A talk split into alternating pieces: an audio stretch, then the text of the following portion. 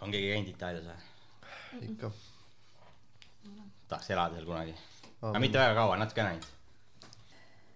kusjuures olen mõelnud, kui pandeemia läbi saab, siis tahaks küll Lõuna-Itaalias käia. Te kuulate Ringjoont.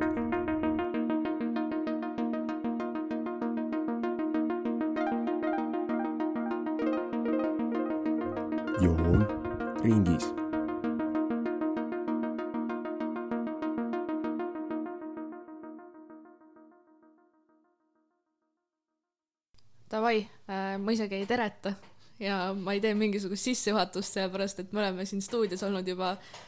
ütlen kohe, kuuskümmend seitse minutit. ja lõpuks alustame ka saatega.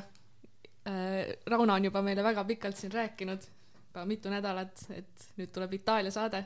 me oleme proovinud talt välja pressida, et mida ta sellest Itaalia saatest tahab, mida ta räägib seal ja ta on iga pidu öelnud või iga istumine, et ta ei räägi, et kuulake saadet ja mul on väga hea meel, et te olete selle saate peale klikkinud, sest et klikke me vajame ja et te olete meiega siin. täna me räägime siis Itaalias seljatatud valitsuskriisist. uus valitsus moodustati kolmeteistkümnendal veebruaril ja selle juht on eh, tehnokraadist Super Mario. ja kõigepealt eh, ma alustaksingi sellega, aa kõigepealt tooks välja, kes siin saates üldse meil täna on siis peale Rauno. nii, tere, Rauno tere, tere. siis meiega on veel siin Jaak Markus, tervist, tervist. Oliver, kes mängib äh, esimest korda puldis tere kõigile. ja mina, saatejuht Helena, kes ei tereta. ja kõigepealt tahaksingi äh, küsida teilt seda, et äh, kuidas selle valitsuskriisini jõuti, et mis toimus enne seda ja miks üldse valitsus siis kokku kukkus? nojah, see on nagu see, et see koht, kus pead korraks jala üle põlve panema ja mõtlema, et, et kuskohast alustada. aga no ütleme, kui kõige algusesse minna, siis noh, muidugi väga, väga pikalt ei tasu peatuda, sest tahaks lõpuks ka nagu tänasesse päeva jõuda, aga ütleme, kaks tuhat kaheksateist aasta, kui olid valimised Itaalias, siis äh, kõige suuremad, kõige, kõige enim hääli said just äh, populistlikud erakonnad, Liiga ning Viie Tähe liikumine. Nemad omavahel moodustasid lõpuks valitsuse, kus oli, peaministriks sai, toodi noh, peaminister toodi väljastpoolt üldse, ta ei olnud üldse erakonnast, Giuseppe Conte. see valitsus kestis äh, septembrini kaks tuhat üheksateist ja siis see kukkus laiali ja siis peale seda tuli uus valitsus, mida juhtis samuti Conte ja see astus ametisse september kaks tuhat üheksateist ja kehtis, kestiski nüüd selle aasta veebruarini, siis ütleme veebruari alguseni. ja miks ta laiali kukkus, oli see, et äh, ta koosnes kolmest erakonnast, ta koosnes Viie Tähe liikumisest, ta koosnes äh, Demokraatlikust erakonnast ning siis äh, ütleme, kolmas võib-olla suurem erakond oli äh, nimega Itaalia Viva ja muidugi see laiali kukkumise põhjus, no Itaalia Viva äh, esimees äh,, juht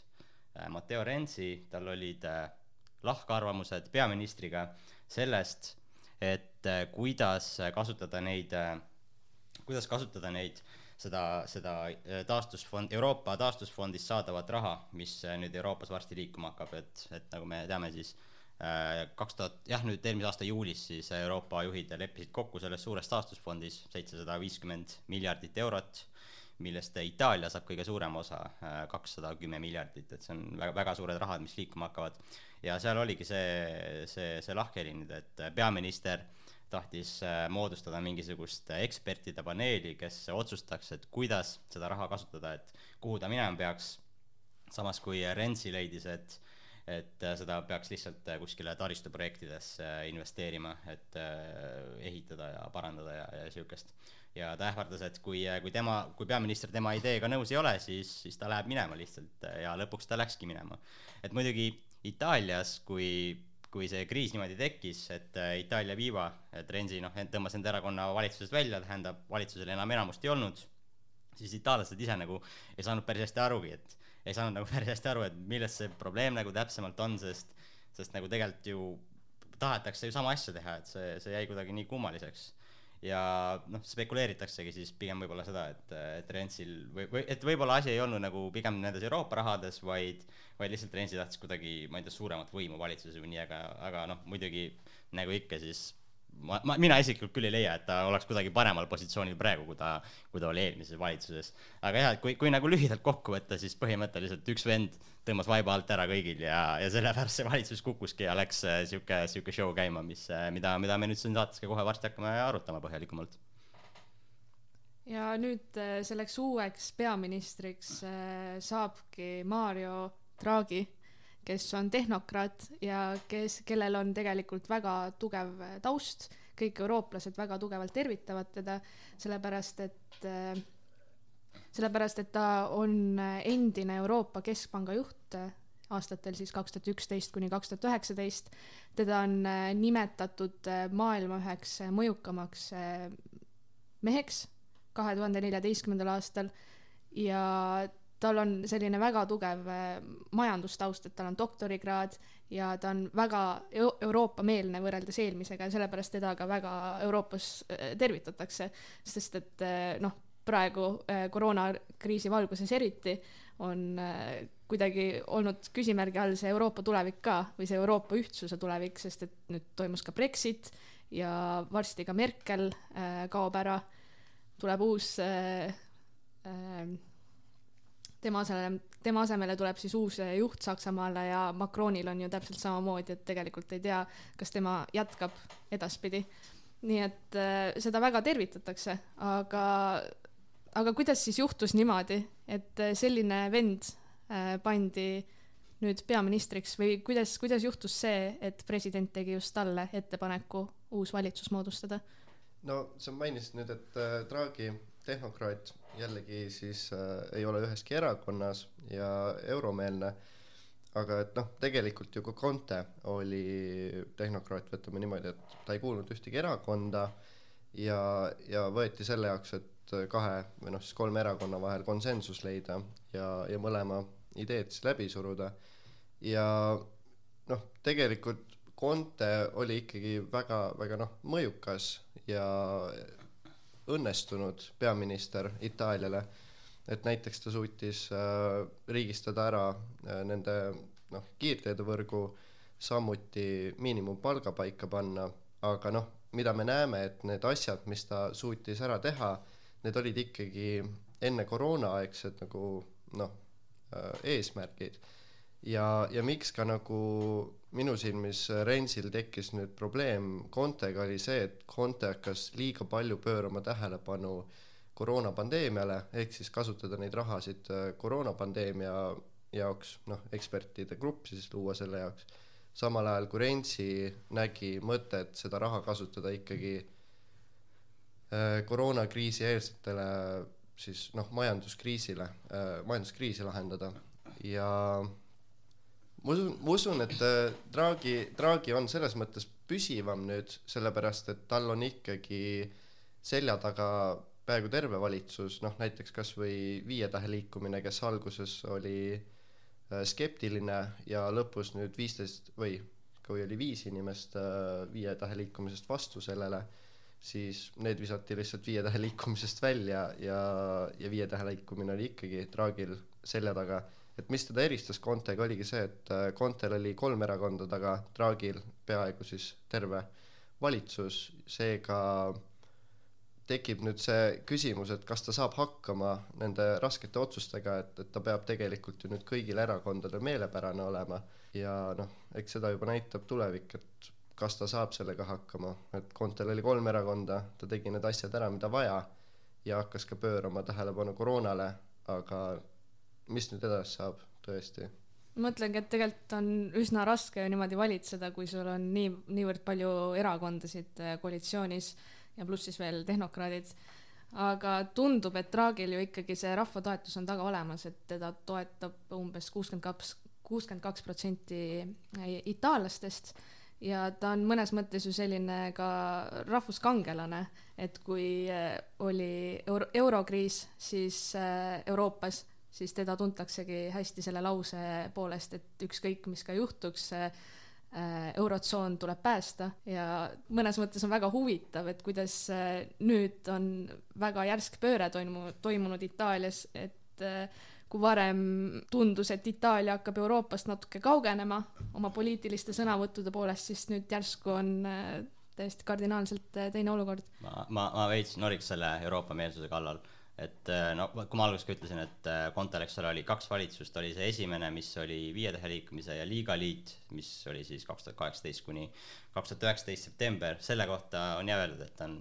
Ida, Lääne-Euroopa nagu esimene populistlik valitsus ja ta oli, ta oli suht nagu võrdlemisi euroskeptiline tegelikult küll, aga, ja noh, Conte oli selle valitsuse juht. Aga siis see Conte teine valitsus, mis oli Demokraatliku partei ja Viie Tähe liikumise liit, et see oli suht, ma ütleks, Euroopa-meelne, et noh, nagu, nagu ikka üldiselt, et ta nagu väga ei eristanud selles mõttes, et et see, see suurem nihe võib-olla toimuski just kaks tuhat üheksateist, see, kui kui Itaalial äh, see ütleme, populistlik valitsus lagunes ning äh, tuli ametisse uus Euroopa-meelsem, Euroopa-meelsem valitsus, et äh, kusjuures ähm, see, need Euroopa rahad, see Euroopa taastusfond, et äh, ma ei tea, ma ise, kui ma mõtlen, siis ma päris palju isegi selle, noh, see, et ta üldse sündis, eks ole, see, et ta tekkis, on suht pretsedenditu tegelikult, et niimoodi äh, Euroopa riigid nagu kollektiivselt võtavad põhimõtteliselt endale kohustused nagu kamba peale laenu võtta. ja seal nagu päris palju oligi rolli Contel just nagu Itaalia peaministrina, sest et äh, see tema, tema väga surus seda, alguses pakuti Euroopas üldse mingisuguseid veits lahjemaid variante, aga Conte põhimõtteliselt läks sinna ja ütles, et et kui me nüüd nagu niisugust nagu suurt, mingit suurt asja ei tee, et siis, siis nagu võib juhtuda Italexit või midagi niisugust, et et see, see ei olnud nagu otseselt ähvardusena mõeldud, vaid see oli nagu mõeldud sellena, et äh, Itaalias on nagu päris kurvad lood ja kui, kui nagu Euroopa appi tule, et siis ilmselt nagu võivad asjad hapuks minna. ja ma usun, et see argument nagu oligi võib-olla see, mis Saksamaad väga palju mõjutas, sest et äh, kui Saksamaa nagu nõusse juba saadi, no prantslased olid juba enne nõus, aga kui sakslased nõusse saati, siis, siis tehti see asi ära ka, sest sakslased nagu olid alguses sellele väga vastu. nii et ma arvan, et Conte nagu peaministrina väga-väga palju tegelikult äh, panustas sinna. aga muidugi Draghi on, no ma ütleks, et jah, et Conte oli kindlasti Euroopa-meelne äh,, Draghi on isegi rohkem Euroopa-meelsem võib-olla jah, et, et ta oli ikkagi noh, ta on, ta on töötanud no tegelikult jah, ta töötas ka Itaalia pangas, et nagu mitte otseselt Euroopa Liidu jaoks, aga aga viimased kümme aastat töötas ta ja Euroopa, Euroopa Keskpanga presidendina ja, ja teda tõesti nagu see Eurotsooni päästmine nagu seda pannakse nagu noh, öeldakse, et see oli tema töö. No ega teda niisama, niisama ei Jah. öelda talle Super Mario, et Jah. see on nagu päriselt öeldakse, et ja kusjuures seda, seda ütlevad nii, nii fännid kui ka, kui ka heiterid mõlemad, et äh, ühed ütlevad nagu heas kontekstis, teised ütlevad halvas kontekstis. aga jah, tema, tema esimene kõne peaministrina oli ka see, et äh, no tal ju valitsuses praegu on ka Liiga, kes on äh,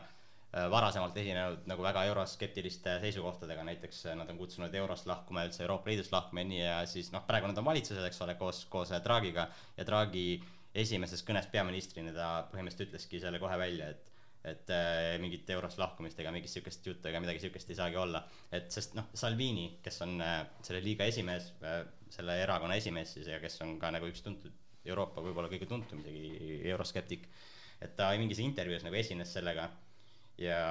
no umbes samasuguste seisukohtadega jälle ja siis nagu Draghi nagu nii-öelda outflankiski ta sellega, et ta nagu läks lihtsalt parlamendi ette ja ütles, et nii on. et äh, ja siis noh, Salvinil polnudki midagi muud selle peale öelda, kui nagu leppida sellega, ehk siis noh, see, see on muidugi omaette jutt, aga aga põhimõtteliselt liiga hakkab ka nagu Euroopa-meelsemaks muutuma. no eks neil ei jäägi nüüd praegu midagi muud üle, kui, kui nad tahavad oma majandust elavdada, mida nad noh, tegelikult kõik taga ajavad ja, ja ka koroonapandeemia üle elada ja kui selline summa raha tuleb ikkagi Euroopa Liidust, siis noh, sa ei saa väga seda kätt hammustada, mis sulle abi pakub.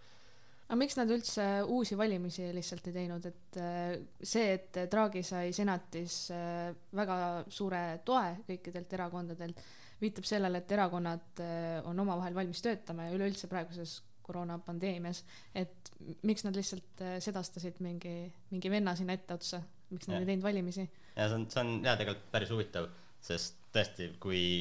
kui peaminister, eks ole, noh, tehnokraatlik peaminister saab nii suure toetuse, et siis siis võiks mõelda, et ta võiks nagu uued valimised teha, et nagu mingi poliitiline valitsus siis luua, aga selle asemel äh, jah, tehti hoopis tehnokraatlik valitsus, ma arvan, nagu kindlasti üks osa sellest on äh, lihtsalt pandeemia, et pandeemia ajal valimisi korraldada on nagu päris raske, ütleme okei okay,, meil siin Eestis oleks lebo, meil neid digilahendusi on, saame, saame internetis hääletada ja nii, aga Itaalias neid asju praktiliselt ei ole. ja muidugi koroonaga seal on ka nagu, tegelikult praegu isegi on paremad lood kui meil, aga üldiselt seal on nagu väga tugevalt pihta saanud ikkagi. ja, ja üldse nagu valimiste korraldamine on juba selles mõttes halb, et see noh, ta pandeemiale ei mõju hästi ja teine asi on see, et äh, peaaegu nagu, no ma ei tahaks öelda iga kord, aga väga tihti, kui Itaalias on valimised, siis enne, kui sa saad uue valitsuse paika, läheb mingi kaks-kolm kuud lihtsalt. et see on nagu, see ei ole võib-olla mõeldigi, et lihtsalt, et see ei ole see koht, kus nagu sellega vaevama hakata. Et äh, neil on vaja nagu valitsust, neil on vaja töötavat valitsust ja neil on vaja kiiret tegutsemist ja siis leitigi, et, et võib-olla peakski siis tegema niisuguse tehnokraatliku valitsuse, äh, mis tõenäoliselt kestab siis järgmised kaks aastat kuni järgmiste valimisteni ning äh, selle najal sõita, et kui seal on praegu peaaegu kõik erakonnad kaasatud, nad saavad oma sõna sekka öelda seal mingites küsimustes kindlasti ja valitsust mõjutada, et see on, see on võib-olla parem variant siis, kui see, kui see ebastabiilsus, mida pakuks valimiste korraldamine praegu. Aga isegi, kui selle valitsusadra seadmine võtab kaua aega, siis ikkagi see on ju selline demokraatlik protsess, et mida ma ise lugesin erinevatest lääne ajakirjadest, nad on välja toonud, et kuidagi kas Itaalias on saanud demokraatia nüüd sellepärast natuke kannatada või kas see hakkab, kas see mõjutab seda demokraatiat kuidagi, et nüüd me lihtsalt panime valitsuse kokku, et ei toimunud valimisi. Või kuidas te sellesse suhtute, sellesse mõttesse? noh, kriitika meil oli juba Contega äh, koroona aja alguses, et äh, paljud äh,, paljud oponendid siis väitsid, et äh, Conte on võtnud liiga palju õigusi endale piirangute kehtestamisega, noh, mis talle põhimõtteliselt on antud peaministrina, et tal on võimalus selliseid asju kehtestada, aga ikkagi mõned ütlesid, ei, see on üle piiri astumine. Ja nüüd, kui selline samm teha, et nüüd uus peaminister teha ilma, või uus peaminister nimetada ametisse ilma valimisteta, siis noh, ma, see, see on selline, selline moment, kus lihtsalt jällegi peab vaatama, mis saab, sest Conte näitas tehnokraadina, et äh, ta ei kasuta seda võimu tegelikult ära, kõik need sammud äh,, piirangud, mis ta tegi, need olid vajalikud piirangud, et äh, koroonapuhang kontrolli alla saada ja Draghi, kes on ikkagi väga nimekas isik äh,, ma ei, ma ei näe ka selles mingit ohtu selles mõttes, et ta hakkaks nüüd ära kasutama seda võimu, kui siis ainult hea jaoks, et äh, tal tuleb raske tee ja, ja seda võimu ära kasutada jällegi, tal on väga paljud erakonnad selja taga selles mõttes, et kui ta hakkab isegi valet sammu tegema, siis väga lihtsalt võivad järjest erakonnad tagant ära tulla ja ta võib väga kiiresti välja kukkuda, sest tegelikult ta ei kuulu ühtegi erakonda. ma ka ei leia, et ta kuidagi, kuidagi, ma ei tea, demokraatiat halvendaks või midagi siukest. et selles mõttes, okei okay,, peaminister ise ei ole ametisse valitud, ta on määratud sinna Äh, tehnokraatlikud valitsused Itaalia ajaloos muide ise ei ole ka nagu mitte midagi uut. Neid on ka varem olnud äh, päris mitu tükki isegi, et nagu tundub, et nagu Itaalias on heakskiit sellele, Draghi enda toetus, äh, tema isiklik toetus on ka, nagu sa ütlesid, päris viisakas, mingi kuuskümmend protsenti pluss. muidugi võib-olla minu arvates kõige suurem argument, mis räägib ähm, selle kasuks, et et seal demokraatiaga nagu selles, selles tähenduses küll midagi halvasti ei ole, on see, et et seal ongi ainult valdav enamik äh, parlamendi esindatud erakondadest on seal valitsuses kaasatud, et see valitsus toetub ju ikkagi parlamendi toel enda toas, enda, enda tegevuses ja ja parlament on ikkagi rahva poolt valitud. et äh, selles mõttes ei, ma leian, see on üsna, üsnagi nagu demokraatlik no ilmselt on, äh, on kohti, kus võib seda silma kinni pigistada ka, sest et äh, noh, Itaalial tõesti on praegu halvasti, ta on saanud kõige rohkem pihta üldse Euroopa riikidest ilmselt nii majanduse kui ka tervishoiu mõttes. ja seda praegust abipaketti äh, on võrreldud isegi Marshalli plaaniga ja praegust Itaalia seisu mõnes mõttes ka Mussolini järgse Itaaliaga, kus Ita Itaalia peab nagu kuidagi leidma oma kohta ja ennast taas tõestama, üles ehitama ja sellise võrdluse Draghi ise ka vist tegi, et uh, umbes, et ongi, et et me oleme noh, stiilis midagi, et me oleme umbes niisuguses teise maailmasõja järgses olukorras, kus meil on nagu rekonstruktsiooni vaja, ehk siis uh, riik nagu uuesti üles ehitada. ma ei tea, ma arvan, see on võib-olla rohkem nagu emotsionaalne, et lihtsalt, et nagu võib-olla olukorra, olukorra tõsidus nagu toonitada, aga, aga see on suht mõjus ja võib-olla ka veits vastab tõele. Ja eks nad võtavad seda olukorda ka tõsiselt, et üks asi on, et peaminister on tehnokraat, aga väga paljud ka erinevad ministrid äh, on nimetatud äh, siis ametisse, kes on ka tehnokraadid, näiteks siis äh, vist oli informaatika ja, ja taristuminister ja, ja tehnoloogiaminister, et noh, väga paljud tähtsatel kohtadel inimesed on ka tehnokraadid, ehk siis valitsuse välised. Ja sellist asja noh, ma ei näeks Eestis väga, väga pikalt veel tulemas, sest et noh, tavaliselt oodatakse, kui olukord on väga halb ja kui nii palju tehnokraate on valitsuses, siis see viitab, et olukord tõesti on halb ja ka päriselt et, et see on noh, selles mõttes müts maha, et Itaalia nagu on suutnud teha sellise otsuse või need erakonnad on suutnud julgeda sellist otsust teha, et nad võtavadki endale väljaspoolt inimesed ja spetsialistid, kes äh, hakkavadki asja nüüd õigele poole viima, et nii palju ei ole enam poliitilist mängu. kuigi noh, kogu, kogu see valitsuskriis, mis oli, see ikkagi nagu viitab väga palju valitsuse mängudele või poliitilistele mängudele. ja et see, kui selle valitsuse koosseisu ka vaadata, et siis äh, noh, paistab välja see, et et, et need on nagu selles mõttes noh, sihikindlalt ikkagi jaotatud need ministriportfellid, et äh, nende tehnokraatide käes on näiteks, eks ole, keskkonnaminister äh,, majandus- ja taristuminister, siis äh, mis siin veel on äh, ah jah, ja siis äh, ka mingisugune tehno-, noh, tehnoloogilise innovatsiooni minister ja, ja digitaalse ülemineku minister, ehk ühesõnaga nagu need portfellid, mis äh, kui, kui nüüd see Euroopa, eks ole, see abipakett nüüd äh, tööle läheb siin lähikuudel ja siis suured rahad hakkavad liikuma, siis need on nagu need ministrid, kes peavad sellega liikuma hakkama, tegelema hakkama õigemini. eks see oligi nagu see point, et milleks, milleks tehnokraatia tuua. aga siis ongi, et no võib-olla isegi mõni portfell sihuke läks ka mingi poliitilise ministri kätte, aga, aga enamus on ikka see, et et põhimõtteliselt, et selle, selle nii-öelda taastusfondi rahadega hakkavad tehnokraadid tegelema ja ja siis äh, nende poliitiliste küsimustega tegelevad nagu poliitil-, poliitikud nagu edasi enam-vähem, et näiteks noh, siin ongi, et välisminister ikkagi on jätkuvalt Viie Tähe liikumises, Luigi Di Maio ja ja, ja niimoodi, et äh, ta on, ta on sihuke sellist võib-olla tehnokraatlikku valitsust ei olegi äkki Itaalias olnud, et ta on olnud nagu sihuke täiesti tehnokraatlik valitsus, kus ongi mitte ühtegi nagu poliitilist ministrit, kõik on tehnokraadid, aga praegu ta on sihuke kahe, kahepealse segu. Ja jah, et äh, eks muidugi, eks siis näis, kuidas, kuidas äh, neil läheb, nad on alles vähem kui kaks nädalat ametis olnud. Selles mõttes minu arust see on märkimisväärne, et isegi Viie Tähe liikumine, kes alguses ei olnud selle tulevase valitsusega siis nõus, lõpuks ikkagi nõustusid sellega ja ja kulmineerus sellega, et, et need viisteist senaatorit, kes hääletasid alguses Draghi vastu, nad viskasid äh, oma ridadest need viisteist senaatorit välja.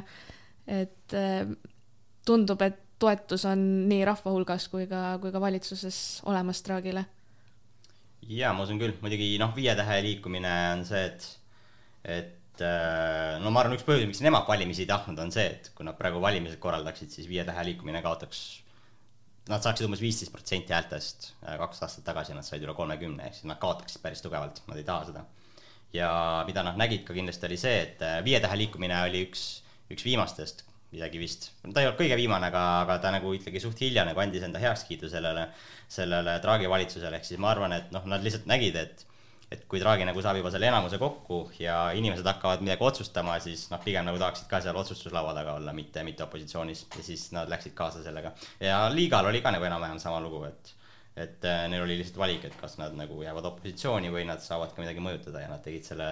valiku, selle, selle teise valiku siis, et nad saaksid äh, ikkagi nagu laua taga otsuste juures olla. On praegune ainuke selline suurem erakond, kes on jäänud valitsusest välja, on see Fratelli d'Italia või Itaalia vennad, kes on siis niisugune parem äärmuslik katoliiklik äh, partei ja miks nemad välja jäid, et kas nad ise tahtsid jääda opositsiooni või neile üldse ei tehtudki seda pakkumist? ma arvan, äkki mõlemad, et äh, äh, kindlasti, ma, ma arvan, et nende võib-olla suurim soov oligi lihtsalt ise nagu opositsioonis olla, sest neil nagu toetus viimasel ajal on tõusnud päris hästi. Nad äh, ei leidnud, et seal selles valitsuses osalemine võib-olla neile kuidagi positiivset mõju avaldaks. Neil ehk on silmas äh, kahe aasta pärast toimuvad valimised, kus nad loodavad nagu enneolematult hea tulemuse teha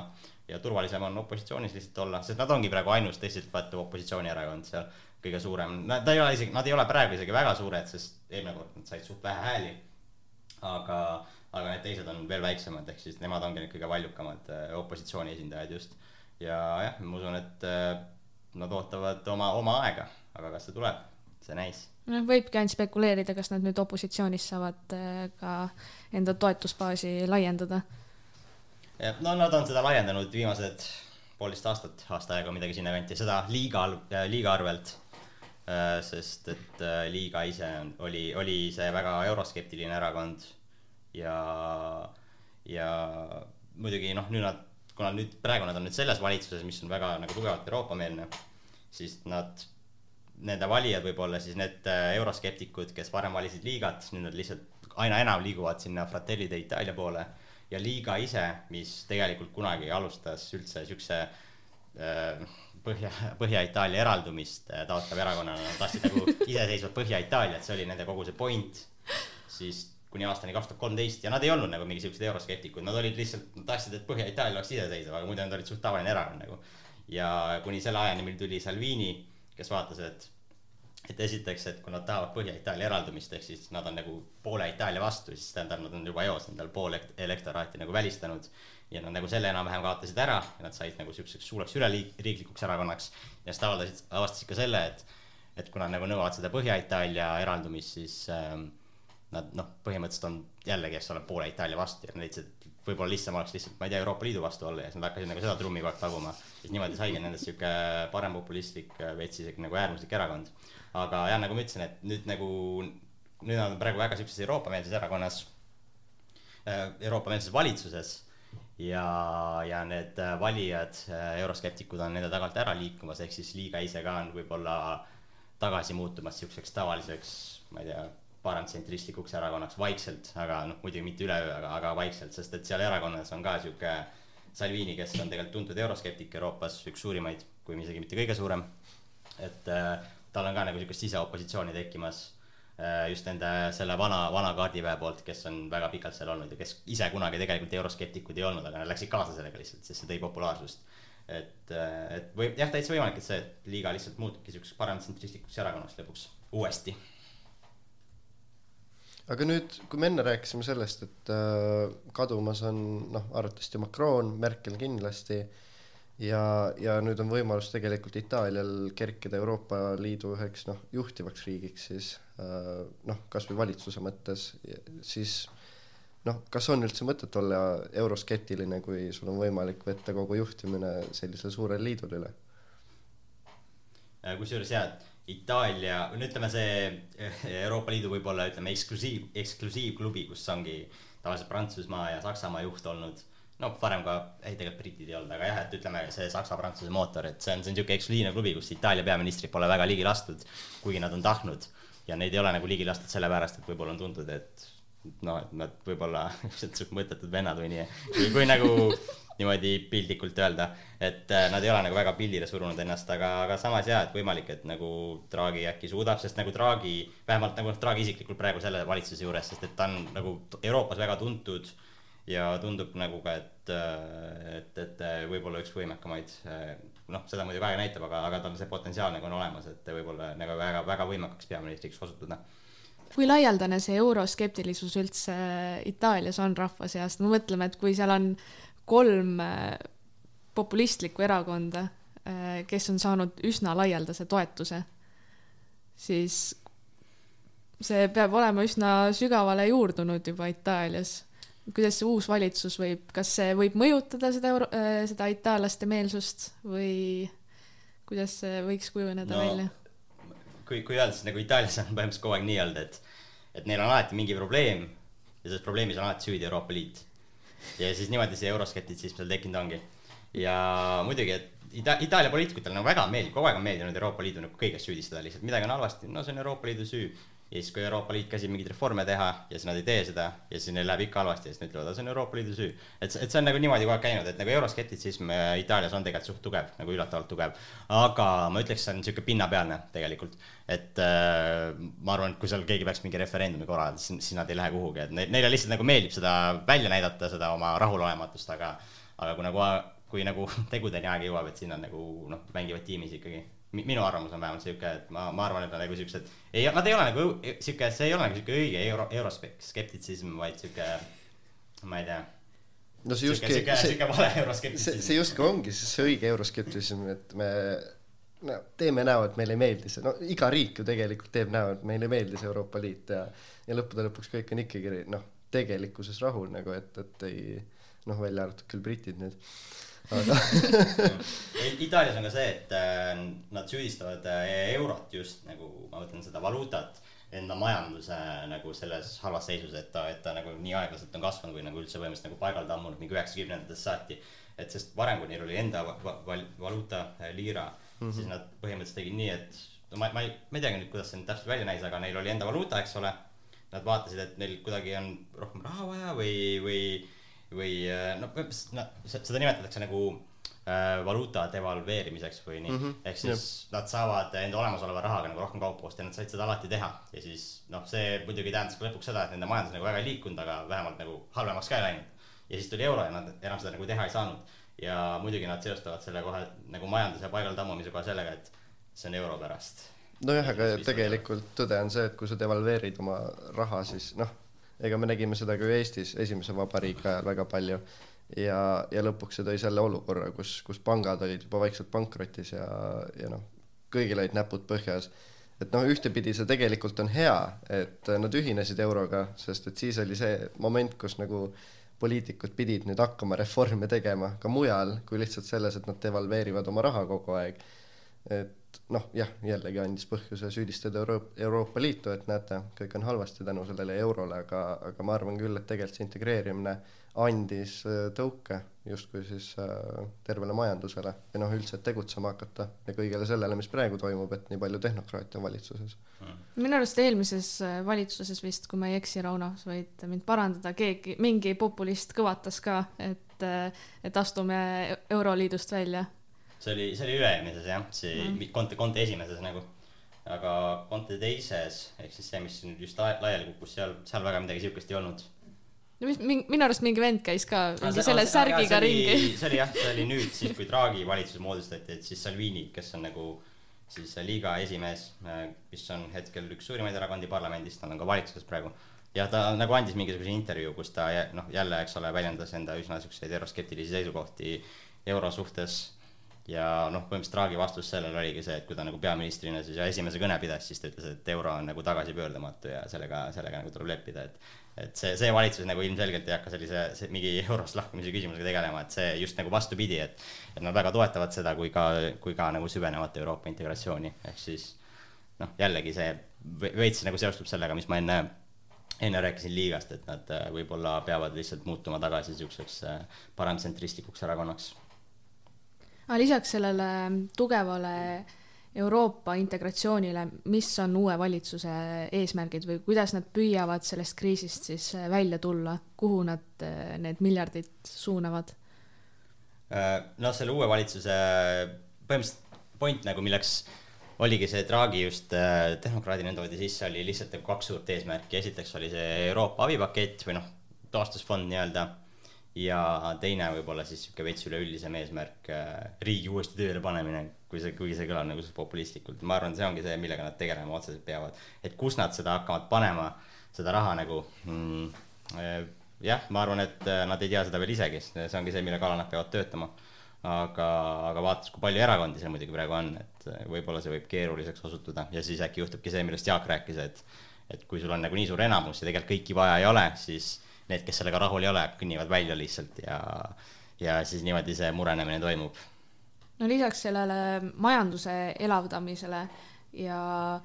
Euroopa integratsioonile äh, Draghi on välja öelnud selgelt, et ta tahaks haridust reformida mingil määral ja lisaks ka soolist palgalõhet äh, vähendada, mis on Itaalias Euroopa üks kõrgemaid. minu arust need on ka huvitavad punktid ja neid on äh, väga tervitatud nii Itaalias kui ka Euroopas. jah, no muidugi jällegi, et ta, ta vist ei ole nagu esimene Itaalia peaminister, kes sellest räägib. aga kas ta nagu reaalselt ka midagi muuta suudab rohkem kui tema eelkäijad, seda saab jälle näha, sest nagu Draghil on tegelikult seotud väga, talle on pandud väga kõrged ootused ja lootused ning temast oodatakse ja loodetakse väga palju, ehk siis äh, jah, jällegi saab, saab olema huvitav näha, sest noh, ta ise on muidugi endast väga, väga võimeka mulje jätnud, vähemalt Euroopa tasandil. Nii et saab näha siis, kas, kas ta, kas ta nagu suudab ka Itaalias mingisugust äh, äh, kaugemale ulatuvamat äh, mõju avaldada, kui, kui tema enda valitsus. nojah, et eks, eks see ainuke asi, mille peale tema tegelikult toetub, ongi mitte karisma, vaid, vaid see staaž, mis tal on Euroopa Liidust kaasa antud. ja nüüd ongi see küsimus, et, et kui ta peab nüüd võtma neid otsuseid vastu, mis mõnele erakonnale veidi noh, on pinnuks silmas, et, et kas ta suudab siis ennast tõestada ikkagi kõigile, et äh, noh, võib-olla ongi järgmine hetk see, kuidas ta võtab järjest ühe reformi vastu, teise reformi vastu, iga reformiga kukub üks erakond tagant ära. kas kaks aastat Õnneks venitab välja õnneks neid on palju, aga kas kaks aastat venitab välja, eks näha ole. Mhm. jah, ma ise arvan, et äh, venitab küll, sest et ega tegelikult noh, väga ei ole nagu muud varianti lihtsalt, et isegi kui kellelegi ei meeldi, siis nad võib-olla lõpuni välja ikkagi nagu, sest kaks tuhat kakskümmend kolm on juba valimised ja üldiselt ma ei, minu teada nagu Itaalias mingi siukest, valitsused kestavad küll suht vähe, heal juhul mingi kaks aastat, noh, ütleme, ongi siuke kaks aastat on tavakas ja üldiselt nagu mingi aastast valitsust küll ei ole olnud, et ma arvan, et nad mingi kaks tuhat kakskümmend kaks või nii, et nagu siukse, siuke nagu lambist lihtsalt uut valitsust tegema ei hakka. et see, ma, ma ise julgen, julgeksin pakkuda, et nad selle, selle valitsusega lähevad nagu kindlalt välja kuni lõpuni välja. Et äh, see Viie Tähe liikumise kui ka Demokraatliku partei toetus on seal päris tugev. ja ilmselt äh, jah, et see, see nagu tagant ära ei kuku. ja mingid väiksemad erakonnad leiab ka kindlasti, kellega, kellega saab nagu jätkata. Äh, uues valitsuses on ju päris mitme üsna tugeva portfelli juures on ju tehnokraadid ka, et kui, kui need portfellid on tehnokraatide käes, siis ma ei usu, et need tehnokraadid hakkavad ära jalutama. jah, selles mõttes küll, et kui raha läheb ikkagi tehnokraatide kätte ja, ja sellistele see on nii ilus lause. mitte mingitele poliitikutele, vaid tehnokraatidele ja, ja veel noh, vajaminevatesse äh, struktuuridesse ja, ja, ja noh, valdkondadesse, siis arvatavasti on seal ikkagi head tulemused, et Draghi noh, mis tema töö lõppude lõpuks siis on, lihtsalt vaadata, et, et keegi ei hakka selle antud rahaga vaikselt minema kõndima erakondade poolt jah. et, et noh, ma, kui ma seda eelmist nagu valitsuskriisi ka uurisin, siis äh, äh, noh, just itaallastelt äh, mõned tuttavad, siis nad rääkisid ka, et ega tegelikult äh, see nägi välja väga kaua planeeritud äh, samm äh, siis äh, Rensi. Rensi poolt jah, et ähm, et nojah, nad ütlesid ka, et, et noh, et kuna Rensil oli nii vähe võimu äh, ja, ja selline suur pakett oli tulekul, siis noh, Rensi nägigi, et ainuke lahendus, kuidas saada sellele sõnaõigust juurde, on see, et ta tõmbab oma äh, ministrid välja valitsusest, Conte astub tagasi, tehakse uus valitsus ja, ja nad saavad endale rohkem sõnaõigust selle üle, mis selle rahaga teha aga nüüd ongi see küsimus, et kas see raha läheb siis ka õigete asjadele. aga noh, praegusel hetkel justkui tundub siis, kui tehnokraadid on olemas äh, ka ministrikohtadel. no see on muidugi jah kummaline nagu loogika Rensi poolt, et äh, selles mõttes Conte valitsuses nagu tal, tema oli see kingmaker nagu. et kui tema ära läks, siis valitsus kukkus kokku, aga siin, kui tema ära läheb, siis mitte midagi ei juhtu. et tal nagu mõjuvõimu on natuke vähem. nii et äh, ma ei tea, kas ta loodab nagu Draghi hea tahte peale või, või sellega, et äh, nende nägemused rohkem kattuvad, ma ei tea, aga aga igatahes, igatahes tundub natuke veider, et, et ma, ma, ma, ma ei leia nagu, et tema positsioon nagu selles valitsuses kuidagi tugevam oleks minu arust tema retoorika ka pärast äh, valitsuskriisi on väga naljakas olnud, et et kuidagi toonud välja, et tema on see, kes Itaaliat päästma tuli ja tema tegi selle kõva sammu, et astus tagasi ja tõi Itaaliale sellise uue ägeda valitsuse. kuigi noh, ma lugesin neid vanu uudiseid, mis, mis toimusidki siis valitsuskriisi ajal pärast seda, siis, siis need olid ikka väga pessimistlikud, et noh, et mis nüüd Itaaliast saab ja nüüd on kõik väga halvasti, aga nüüd, nüüd loodi üsna ambitsioonikas valitsus, ma ütleks. nojah, et aga mis see muutus siis, et Rensi teeb nüüd uue valitsuse uhkelt-uhkelt onju, et tõi Draghi, Draghil on äh, toetus rahva seas ja valitsusel siis mingi või noh, tähendab rahva seas just kuuekümne protsendi ligi tal on küll kõik erakonnad taga võrreldes Contega, kellel oli kolm erakonda taga ja aga Contel oli ikkagi üle seitsmekümne protsendi äh, rahva poolt toetus, mis on noh, üks kõrgemaid Itaalia peaministrite ajaloos. et noh, kas ta nüüd teeb paremaks, eks näha ole, seda juba näitab meile järgmised kaks aastat. aga selle ilusa Jaagu lausega võiks ka sellele saatele joone alla tõmmata. Jaak on ka järgmine nädal stuudios, räägib äh, asjadest, küll te siis kuulete, mis ta räägib, et siis peate klikkima. ja ilusat esmaspäeva, aitäh